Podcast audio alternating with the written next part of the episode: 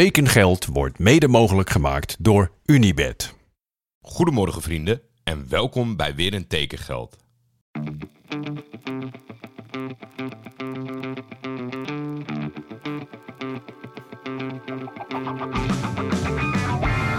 Waar gaat Hilterman naartoe?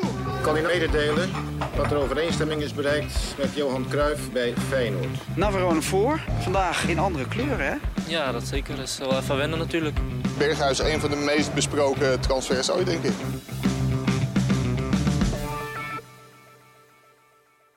Leuk om een keer goedemorgen tegen jullie allemaal te zeggen als het ook daadwerkelijk morgen is. Maar ik zal even toelichten waarom de uitzending van vandaag wat later is. Gisteravond waren wij gezellig aan het playstationen met eh, alle oprichters van Schietvogeltje Media. En na eh, wangedrag van één bepaald persoon ben ik wat anders gaan doen. Mijn vrouw die was de hort op en toen het wat later werd en het laatste flesje aan de kleine baby moest gegeven worden, is papa met de baby samen in slaap gedommeld. En dan denk je, sta vroeg op. Zorg ervoor dat voordat eh, eh, Nederland op zaterdag wakker is, dat je het nog even geregeld hebt. Heb ik één keer eerder gedaan. Dat ging niet helemaal, want mijn vrouw had ook nog eens vanochtend vroeg een afspraak die eh, best wel lang duurde. Dus ik moest wachten. Ik, ja, ik zou heel graag, ik zei, ergens vind ik het ook wel leuk om op te nemen met twee kleine kinderen op schoot. Een aantal die mij al lang volgen op Twitter, die hebben mijn zoon ook wel eens horen podcasten. Dat kan hij zeker behoorlijk. Maar ja, ik dacht, ik wacht gewoon even tot ze thuis is en dan ga ik zitten.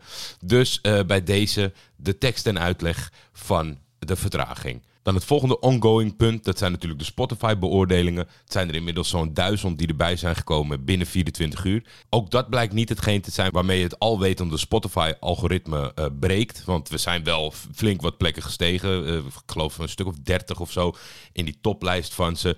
Maar eh, heel veel zoden aan de dijk zet het niet. Want ja, dit aantal beoordelingen heeft voor de rest geen enkele actuele podcast. En eh, dat verricht dus geen wonderen. Dus we moeten het weer staken totdat ze daar eens denken van... nou, misschien na 60 dagen in de toplijst een keertje op de voorgrond zetten. Dan had ik gisteren natuurlijk aangekondigd dat ik bij Spraakmakers zou zijn eh, in een voorbeschouwingsuitzending over de eredivisie. Eh was hartstikke gezellig samen met, met Frits Barend en de overige gasten. En eh, ik heb volgens mij op Twitter diverse linkjes voorbij zien komen van dat stuk. Dus eh, wil je dat kijken, dat kan je terugvinden op de website van NPO 1, Radio 1. Dan All or Nothing Arsenal. Ik zat te denken van gisteren had misschien eh, in een andere situatie een goed moment geweest zijn om de eerste afleveringen te kijken. Dat ga ik vanavond doen. Ik weet niet of ik vanavond eh, eh, laat ook direct opneem of dat dat morgen wordt. Maar morgen sowieso verschijnt de eerste recap aflevering over aflevering 1. En wil je veel meer weten over Arsenal? Want ik eh, kreeg alweer eh, boze berichten, woedende berichten. Dan moet je even de Arsenal podcast opzoeken van Martijn van Zijtveld en zijn compaan. Dit gaat puur en alleen over de serie en de serie only. Dan vroeg ik eh, gisteravond naar aanleiding van de eerste schakeldag op, eh, op ESPN wat de transfer van de dag was. Dus welke nieuwe speler maakte de meeste indruk op, op de supporters. Ehm, er kwamen een aantal namen naar voren. Dirk Kuyt natuurlijk, begrijpelijk. Eh Bokila, Woudenberg zag ik voorbij komen. Eh, McNulty zag ik in de, in de lijst staan. Maar degene die het meest genoemd is, is Alex Plat. Alex Plat heeft een eh, verpletterende indruk gemaakt. Chris schreef onder andere alles wat we de laatste jaren gemist hebben in een aanvoerder. Dus Alex Plat, gefeliciteerd transfer van de dag. Ik denk dat we dat voorlopig, nu het voetbal is begonnen, erin moeten houden. Welke speler in welke speelronde de meeste indruk heeft gemaakt. En dan eh, geven we die speler, zetten we even in het zonnetje. Dus Alex, gefeliciteerd met je eerste tekengeld transfer van de dag prijs. Rectificaties niet echt. Wel een boel aanvullingen die tegen een rectificatie aanhangen. Ik had het gisteren natuurlijk over keeper Maxime de Lange. Die vertrekt bij PSV naar Lierse Kempenzone. Eh, en dat het best wel eens tricky zou kunnen worden met de piepjonge keepers Bodak en Nick Schiks. Maar ja, we hebben het natuurlijk de hele zomer nooit over jong elftallen. Daar ligt mijn interesse überhaupt niet. En ik vind ook de transacties die daar plaatsvinden... is natuurlijk meestal binnen de club wat er geschoven wordt. Niet zo relevant. Maar de PSV-supporters zitten daar natuurlijk wel vuistdiep in. Dus ik kreeg gigantisch veel aanvullingen over het feit dat geen van deze twee kans maakt. Want megatalent Kjell Peersman, dat wordt de keeper. En dat werd gisteren ook bewezen, want die stond op doel bij de wedstrijd tegen Willem II. Dan was er natuurlijk de opmerkelijke transfer van Jellert van Landschoot van Helmond Sport naar KMSK Deinzen. Voor een niet te weigeren bedrag. En nou ja, daar stelde ik mijn vraagtekens bij. Ik deed een beetje gekscherend over misschien een rijke voorzitter. Maar ja, in deze tijd heeft dus ook KMSK Deinzen eh, een nieuwe investeerder. De nieuwe vicepresident van Deinze uit 1B, Hiroyuki Ono, gaf dinsdag tekst en uitleg bij de overname van de club door zijn firma ACA Voetbalpartners. Deze groep wil wat meer accenten leggen op het voetbal in Europa en doet dat door overname van Deinze. De bedoeling is de Oost-Vlaamse club hoger op te brengen. Dit door een financiële input en een sportieve werking van KMSK Deinze te optimaliseren met de kennis die de groep ACA Voetbalpartners uit Singapore heeft. Onze mensen van Asia Voetbalpartners hebben reeds ervaring opgedaan bij diverse Europese clubs zoals AC Milan, Feyenoord en zelfs in België bij Sint-Truiden. Dit op verschillende vlakken zoals scouting en personal performance. Nu zetten we met Deinze een stapje verder. Die club wordt het middelpunt van de werking die wij gaan opzetten in Europa, gaf Hiroyuki Ono mee tijdens de persconferentie.